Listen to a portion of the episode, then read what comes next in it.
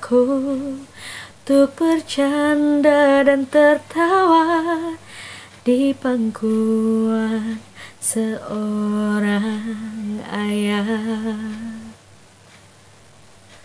Apabila ini hanya sebuah mimpi Ku selalu berharap dan tak pernah terbangun. Bismillahirrahmanirrahim. Assalamualaikum warahmatullahi wabarakatuh. Sobat Map, semua orang berhak sejahtera Maka berlomba-lombalah dalam kebaikan. Jumpa lagi di My Podcast. Hari ini kita akan membahas tentang bedah situasi atau segmen bedah situasi. Di opening tadi ada suara mahasiswi saya tuh. Boleh dicek nanti di instagramnya. Fitri Sadatul Ula. Uh, mencuplik lagu yang dengan judul Hanya Satu Pintaku tadinya saya mau menginsert lagu ini uh, dengan lagu asli dari Moka nih sempat berkorespondensi melalui uh, Instagram officialnya Moka. Tapi ya kita menghargai ada etika, ada aturan yang memang harus dijaga bersama. Maka saya meminta izin untuk membedah lagunya uh, dan karena saya sangat appreciate dengan lagu ini. Hanya satu pintaku, hanya satu pintaku ini luar biasa ya lagu ini. Terima kasih kepada band Moka yang sudah menciptakan karya yang sangat menginspirasi. Dan lagu ini sudah jadi uh, soundtrack film ya, beberapa film menggunakan soundtrack film uh, lagu ini. Kalau saya baca di syairnya hanya satu pintaku untuk memandang langit biru dalam dekap seorang ibu. Sederhana ya keinginan seorang anak dari orang tuanya dari ibunya. Dia hanya menginginkan memandang langit biru dalam dekap seorang ibu. Artinya ada kehangatan ada keintiman ada kedekatan yang terbangun dalam situasi memandang langit biru ini kan situasi yang santai, relax gitu ya.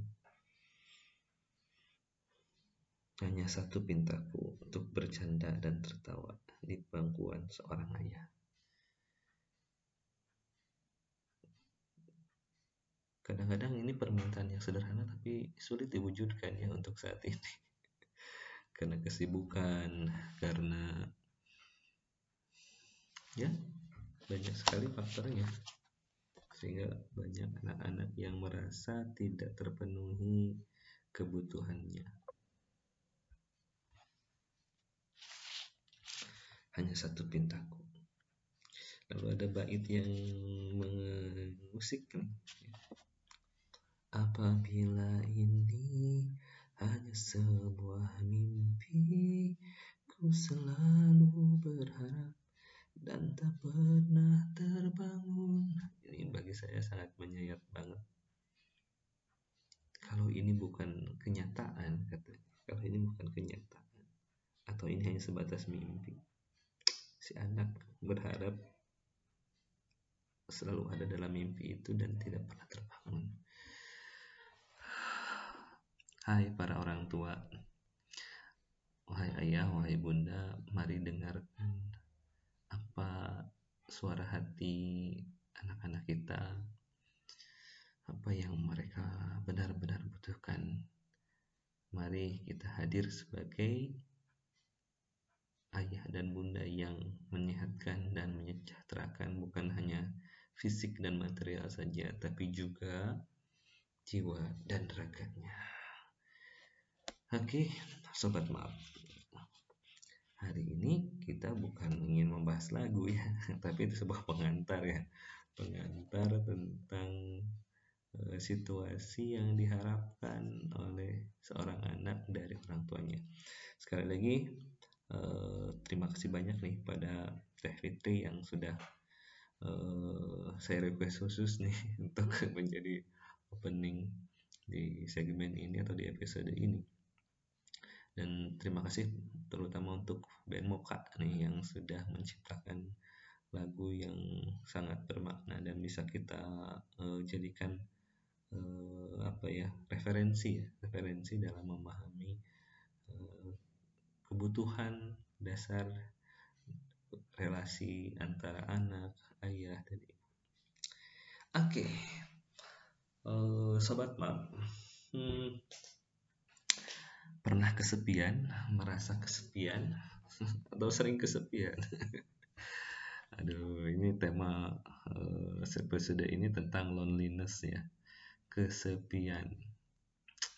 Uh, kalau lagu pop, salah satu lagu favorit saya juga ini tentang kesepian kita nih dari pas band bagus juga itu lagu ya nah tapi saya tidak akan bahas lagu hari ini ya.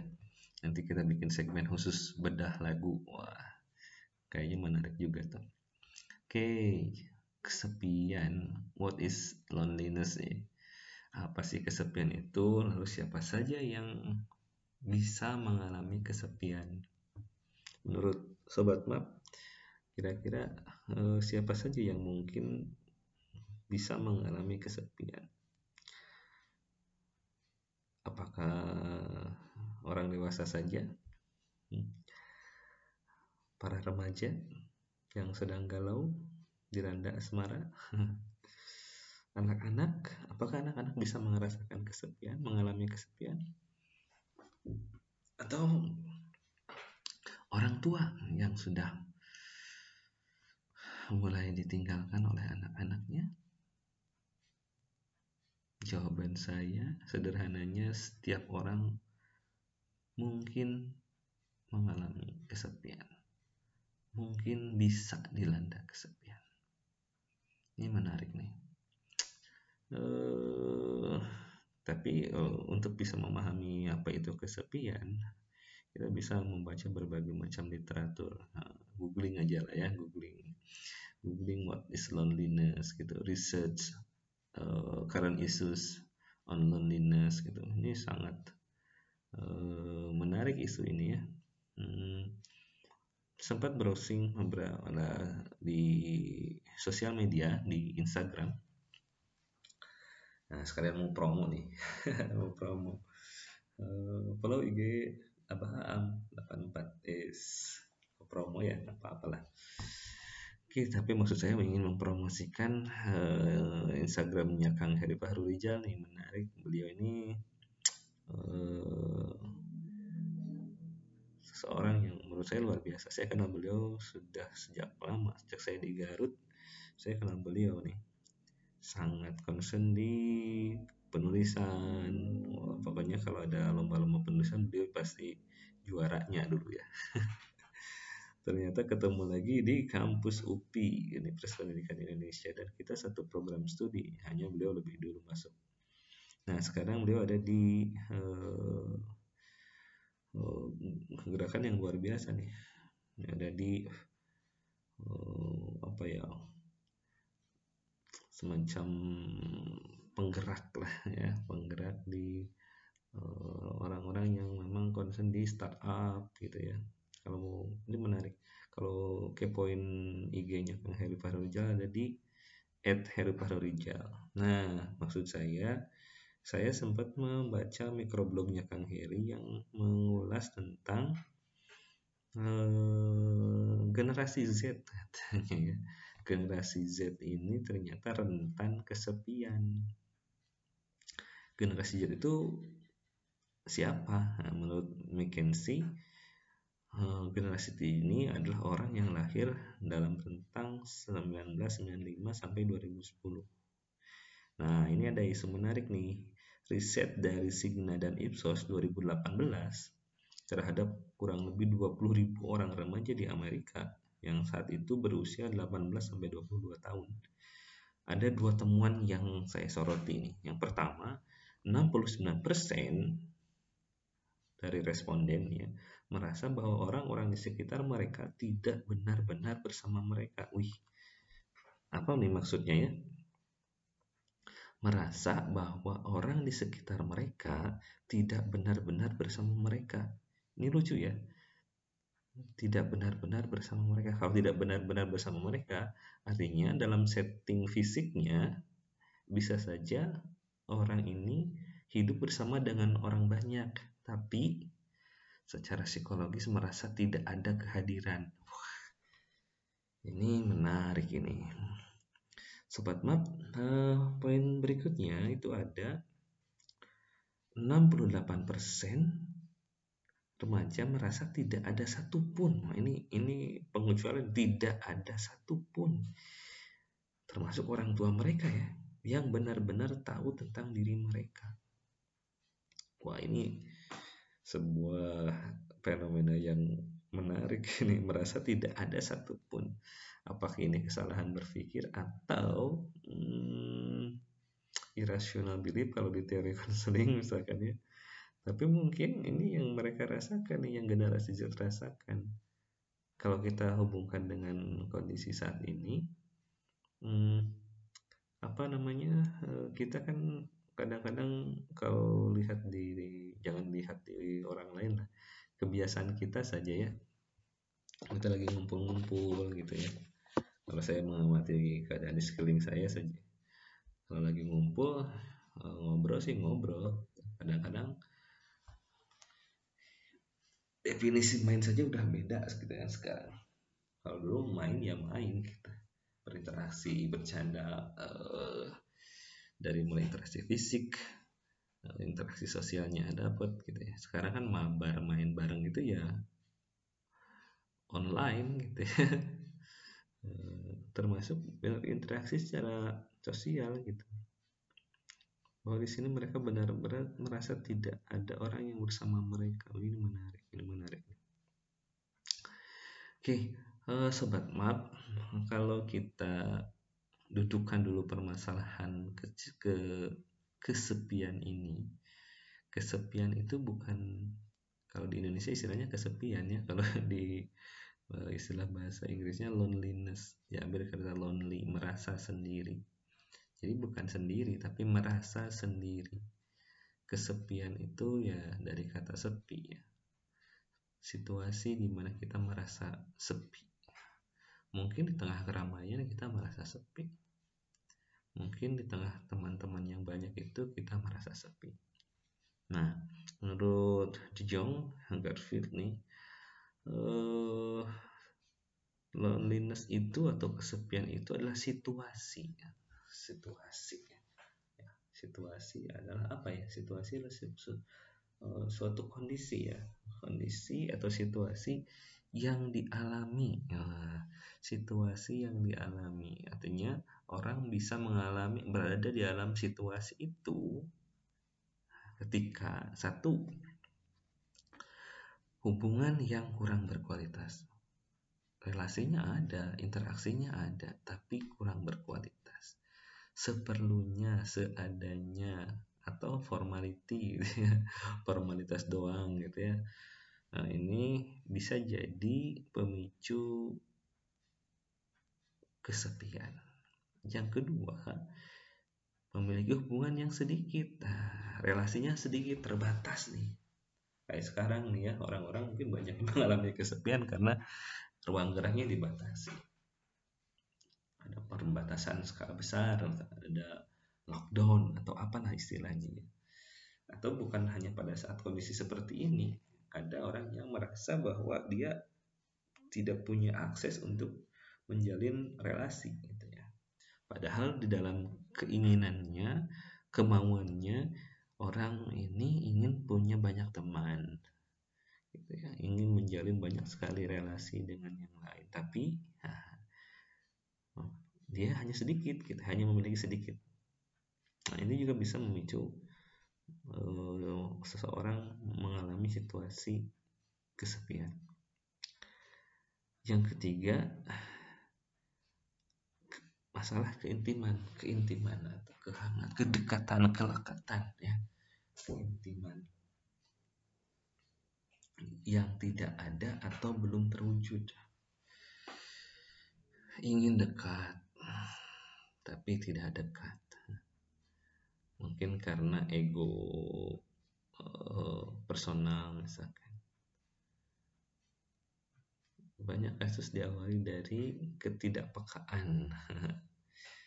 Kalau keintiman itu kan intimasi berarti ada beberapa pihak yang berinteraksi secara eh, lekat, secara dekat gitu ya. Nah ini juga memicu bisa memicu situasi kesepian. Oke, sobat maaf.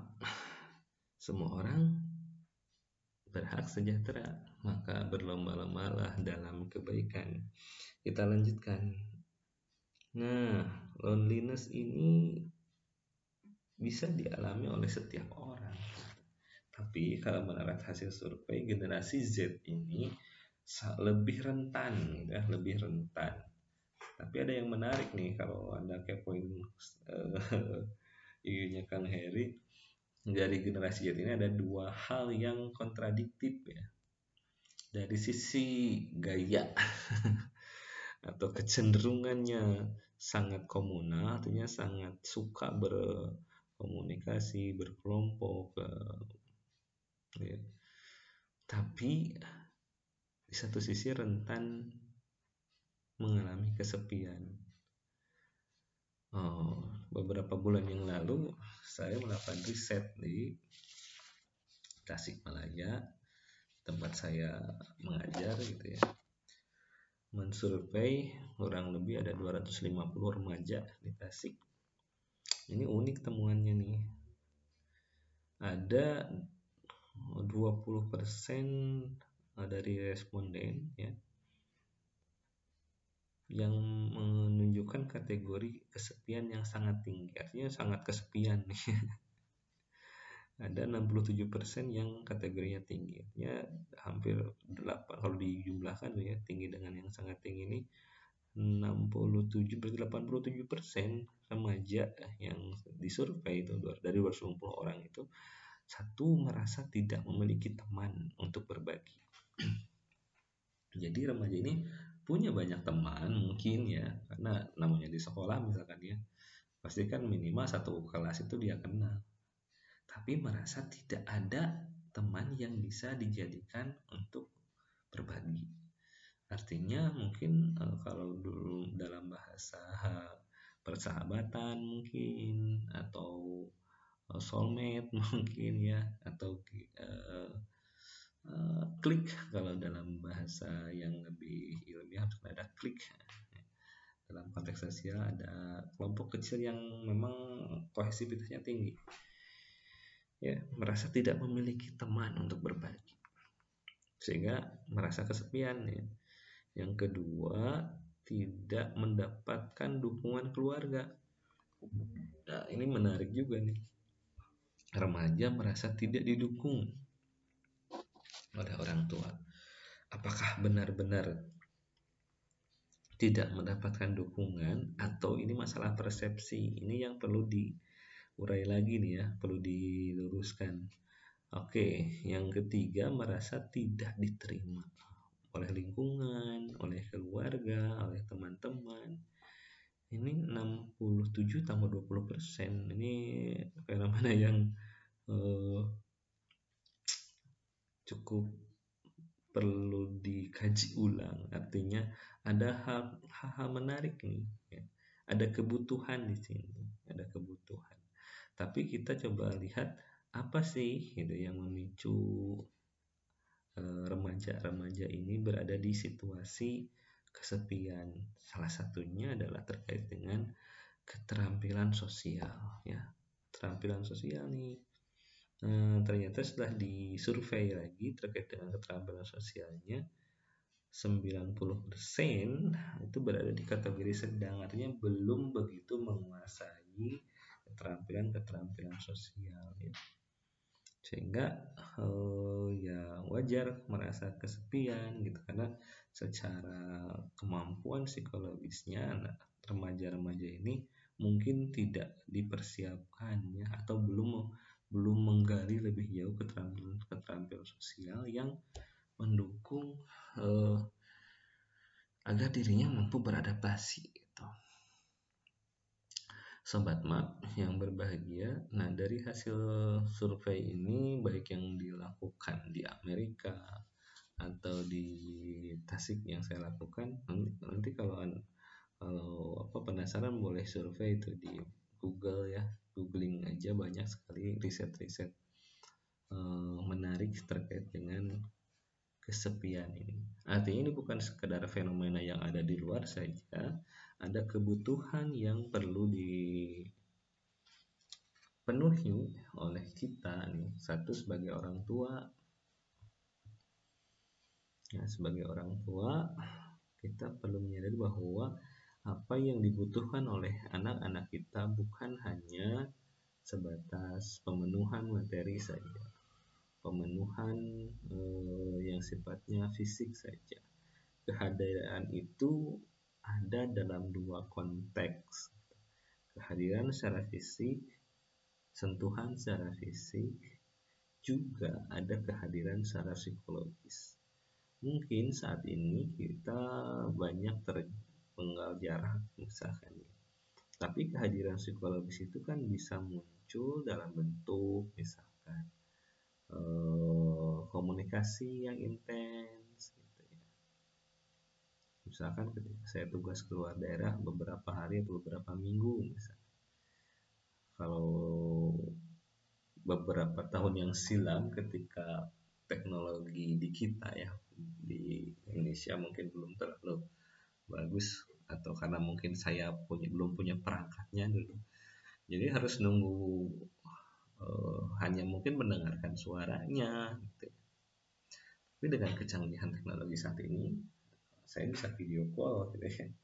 Bisa video call menggunakan berbagai macam uh, perangkat yang ada, fasilitas yang ada. Dari situ kan ada ada interaksi. Jadi kan yang disoroti merasa tidak mau punya teman ber, untuk berbagi gitu ya atau merasa tidak diterima atau kalau kita kembalikan ke si De Jong itu uh, situasi yang dihadapi itu karena keintiman yang kurang terbangun. Nah, kita coba uraikan dari perspektif uh, teoritiknya lah ya supaya kita paham bagaimana supaya kita bisa keluar dari hmm, kesepian kita gitu ya. Yang pertama kalau kita kembalikan ke keterangan bahwa manusia itu fitrahnya adalah berinteraksi sosial. Misalkan di dalam Quran surah Al-Hujurat ayat 13 Allah itu menciptakan kita dari uh, seorang laki-laki dan perempuan dan menjadikannya berbangsa-bangsa dan bersuku-suku agar saling mengenal. Sederhana ya keterangan yang ada itu sebetulnya sifat dasar kita itu memang berbeda, memang beragam, tapi ada konteks saling mengenal. Artinya ada interaksi itu perbedaan-perbedaan itu jangan jadi alasan kita untuk mengurung diri menjadi orang-orang yang kesepian. Kesepian itu tidak menyenangkan ya. Oke. Kita soroti dari poin yang pertama karena fakta-fakta yang tadi kita uraikan eh, harus kita cari akarnya. Satu hubungan yang kurang berkualitas. Nah ini ini menarik. Hubungan yang kurang berkualitas. Hubungannya berarti kan ada ya.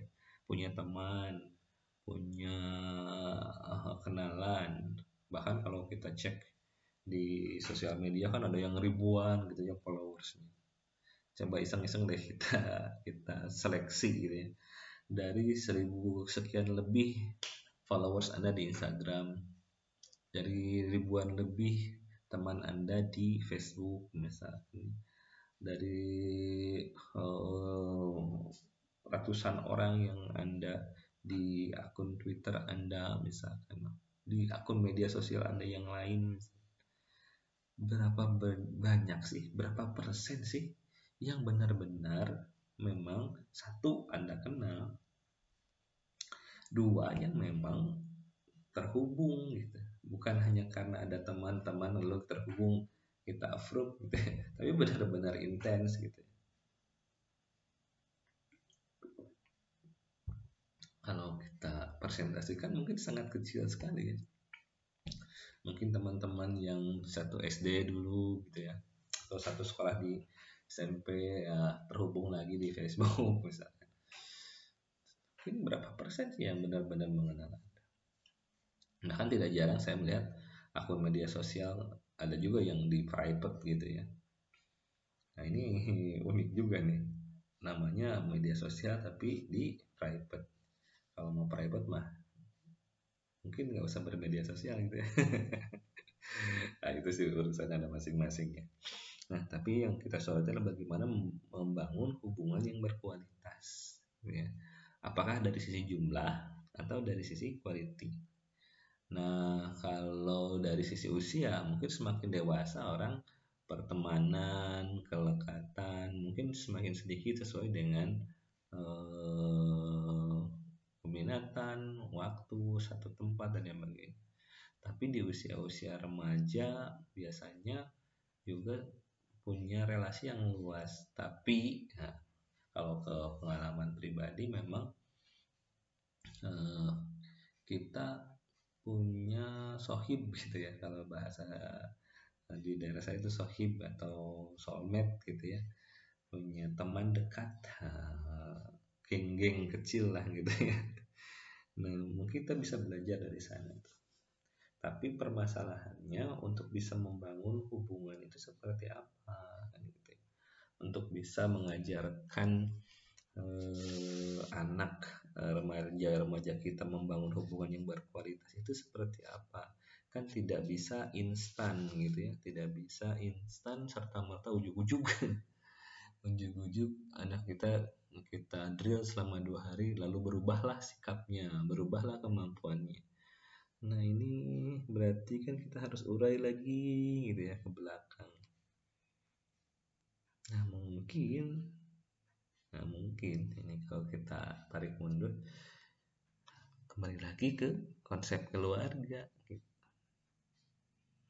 konsep idealnya menumbuhkan berbagai macam kemampuan, keterampilan psikologis itu sejatinya kan ada di keluarga. Membangun hubungan yang berkualitas, nah kalau dia bisa belajar di rumah bagaimana orang tua, ayah dan ibunya berinteraksi, ya, berkomunikasi, bagaimana cara menyayangi, gitu ya, bagaimana cara berbagi. Itu mungkin secara tidak langsung ada proses penginstalan gitu ya keterampilan sosial yang dibangun di rumah. Nah, tapi kan kalau kondisinya sudah terjadi, apa yang harus kita lakukan kan gitu ya. Oke, maka mungkin kita perlu mengurai eh, apa yang bisa diperkuat di remaja-remaja kita. Satu ya kemampuan komunikasi. Kemampuan berkomunikasi. Kedua keterbukaan gitu ya karena syarat menjalin hubungan yang berkualitas satu dasar yang paling fundamental adalah trust gitu ya kepercayaan. Wah ini makin jauh nih kalau diurain. Ada orang yang memang tidak bisa mempercayai orang lain, lalu mau membangun hubungan yang berkualitas seperti apa gitu.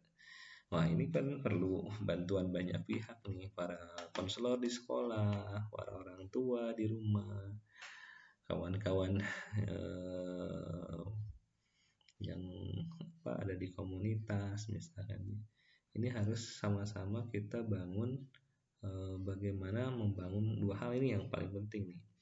Trust ya saling mempercayai saling uh, mampu mempercayai diri dan orang lain.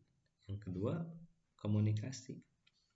Berkomunikasi ini kemampuan berkomunikasi yang efektif gitu ya ini uh, bisa menjadi jawaban untuk menghindari situasi kesepian yang disebabkan oleh hubungan yang kurang kurang berkualitas. Jadi kita ajarkan bagaimana berteman itu oh, bermakna gitu. Punya teman itu bermakna. Sahabat itu luar biasa. Nah. Oke, yang kedua memiliki hubungan yang sedikit. Nah, ini kan kembali ke keterampilan sosialnya berinteraksi, mau terbuka, tidak memilih teman. Dalam arti ah, ada aku mau pengen bertemannya dengan orang yang aku sukai saja gitu.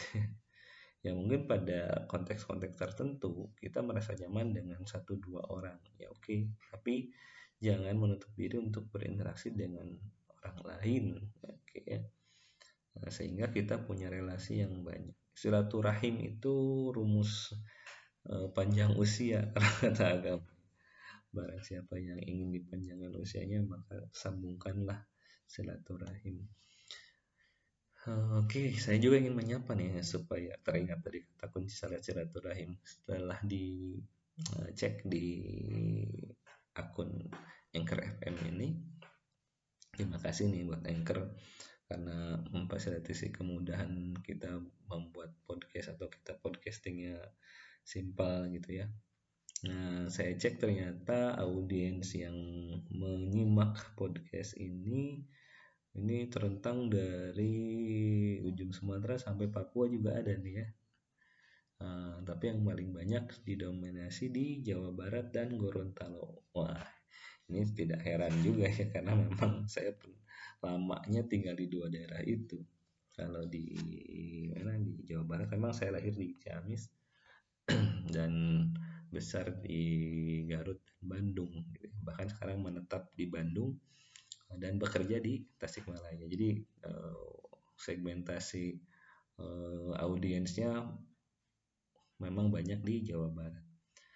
Kalau Gorontalo itu rumah kedua saya ya. Kedua belajar berkarir pertama kali itu di Gorontalo tepatnya di Universitas Negeri Gorontalo. Uh, terima kasih nih pada Sipitas program studi bimbingan dan konseling Universitas Negeri Gorontalo. Ini tempat pertama saya meniti karir sebagai dosen itu di jurusan bimbingan konseling UNG ini. Uh, walau ya mudah-mudahan sehat-sehat semua ya Oke, itu silaturahim tuh. Kalau kita tidak punya keterampilan bersilaturahim, kalau kata orang Sunda, heret lengkah, susah melangkah ke mana pun gitu ya. Tapi ketika kita punya keterampilan sosial, mampu menjalin silaturahim dengan banyak orang, melangkahkan kaki itu lebih ringan, lebih mudah gitu ya. Karena kita eh, oh iya satu lagi nih, berprasangka baik pada situasi apa pun itu menjadi hubungan salah satu rumus untuk membangun hubungan yang berkualitas dan mempunyai banyak relasi. Kalau kita pakai prasangka terus, wah jangan berteman dengan kelompok ini bahaya, wah itu sampai kapan pun kita akan selalu terbatas eh, untuk bisa mendapatkan banyak temannya. Jadi husnuzon ya. Nah ini yang yang ketiga nih, yang poin ketiga dari De ini kita bisa terjebak dalam situasi kesepian karena merasa tidak tidak mengalami kedekatan gitu, keintiman gitu ya. Hmm, misalkan nih pada pasangan-pasangan yang sudah menikah nih, ayah bunda ya, bapak ibu yang sudah menikah. Kenapa saya sampaikan karena di segmen usia yang saya cek nih ternyata memang kebanyakan yang menyimak ini 18 sampai 22 mungkin kebanyakan para mahasiswa mahasiswi ya. Tapi ada juga yang sudah menikah. Tapi yang usianya 35 sampai 50 juga ada yang menyimak podcast ini sehingga uh, pesan ini juga bisa tersampaikan untuk uh, ayah bunda yang sekarang ada di rumah. Saya mungkin bisa mau bertanya nih bagaimana caranya ayah bunda membangun keintiman kedekatan kelekatan itu ya dan pertanyaannya, pernahkah itu diperlihatkan kepada anak-anak bunda, anak-anak ayah gitu ya? Misal seberapa sering sih memeluk dengan hangat pasangan kita anak-anak kita jangan-jangan anak-anak kita tidak mampu membangun keintiman kedekatan dengan uh, teman-temannya karena memang tidak pernah punya referensi gitu ya tidak pernah punya referensi bagaimana cara menunjukkan kasih sayang yang proporsional gitu. karena keintiman ini kan lahir dari uh, keterbukaan ya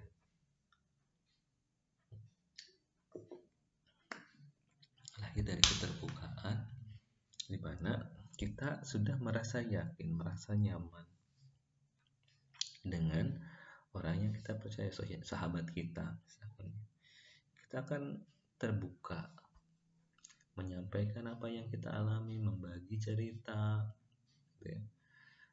bahkan dalam hal yang menyenangkan dan tidak menyenangkan gitu ya. Kalau dengan sahabat berantem berantem dikit ya wajar lah gitu ya. Tapi kan ada ada sisi pengertian kita memahami karakteristik sahabat kita dalam rumah tangga juga sama kan. Ada perselisihan. Tapi ketika intimasinya muncul kedekatannya ada kehangatannya terbentuk itu bisa menjadi jembatan penyeimbang untuk kondisi-kondisi yang bisa memicu kesepian kenyamanan gitu ya. Intinya kenyamanan kenyamanan yang dibangun. Tapi ada juga yang yang merasa kecewa misalkan. Yang merasa kecewa dalam sebuah hubungan. Terlepas itu hubungannya mungkin persahabatan. Hubungan suami istri misalkan. Kalau boleh tanya apa sih yang membuat kita kecewa? Orang lain atau diri kita aduh mohon maaf nih. Uh, masih agak batuk-batuk ya mudah-mudahan diberikan kesembuhan amin. Kalau dari sisi uh, pribadi menurut saya pribadi nih ya kecewa itu lahir karena kita menuntut yang mungkin tidak bisa diwujudkan. Dan kita tahu bahwa teman kita pasangan kita sulit untuk mewujudkan itu. Akhirnya kita kecewa. Padahal kan udah tahu berarti kan kalau begitu ada bahasa toleransi jadi toleransi bukan hanya masalah uh, apa ya keagamaan gitu ya. Toleransi dalam persahabatan pun itu harus diperkuat. Karena keintiman tanpa toleransi itu menjadi berbahaya juga ya oke sobat no itu ya kurang lebih terkait dengan kesepian. Wah kalau diulas eh, lebih panjang juga mungkin ini akan Eh, lebih dari satu jam ya. Oke tapi karena hasil survei kemarin nih menurut hasil survei di uh, eh, IG saya ternyata 50-50 nih ada yang ingin kontennya lebih dari 30 menit ada yang ya cukup 30 menit. Saya sesuaikan dengan kebutuhan gitu ya. Oke untuk konten ini saya kira ini udah cukup komprehensif untuk pengantar ya.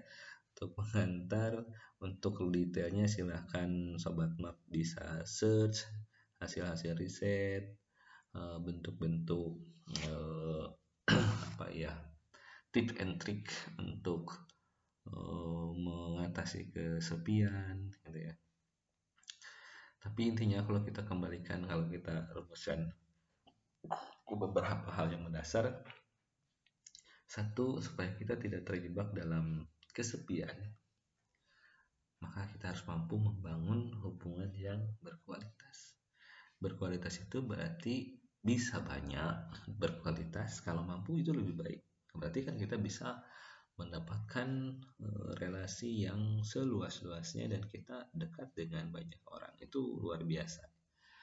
Nah, atau ya mungkin tidak perlu banyak, tapi kita punya eh, sahabat punya relasi punya dukungan sosial yang cukup. Nah, bahasanya mungkin cukup ya. Cukup. Karena mungkin ada orang-orang yang eh, tidak terlalu excited untuk berinteraksi. Bukan asosial ya tapi mungkin terbatas gitu ya. Terbatas. Tapi kita sebagai makhluk sosial ada kebutuhan yang harus terpenuhi. Maka namanya interaksi sosial namanya hubungan sosial artinya kita sebagai pribadi harus mau membuka diri mampu membuka diri untuk bisa berinteraksi sehingga kita punya hubungan yang berkualitas. Tadi syaratnya adalah komunikasi, nah, gitu ya. Ada husnuzon, gitu ya. Gitu. Nah, berikutnya adalah hmm, oke okay, memiliki hubungan yang sedikit, tapi kalau berkualitas itu lebih baik daripada tidak ada, gitu ya. Uh, ya silahkan kita bangun tuh. Nah, yang berikutnya masalah keintiman masalah kedekatan, kelekatan, hadirlah secara fisik, hadirlah secara uh, utuh gitu ya, bukan hanya fisiknya saja, tapi juga jiwanya juga ada di situ, perhatiannya ada di situ. Jangan sampai kita sedang berhadapan, tapi pikiran kita ke mana-mana, kita sedang berhadapan, tapi kita fokus ke gadget kita masing-masing. Sekali-kali ketika berkumpul uh, drop your gadget. And communicate play a game gitu ya. Ya menikmati kebersamaan itu penting sehingga kita menjadi pribadi-pribadi yang tidak kesepian. Nasrul minallah wafatun karib. Setiap orang berhak sejahtera maka berlomba-lombalah dalam kebaikan Sobat Map, sampai jumpa lagi di episode berikutnya. Assalamualaikum warahmatullahi wabarakatuh.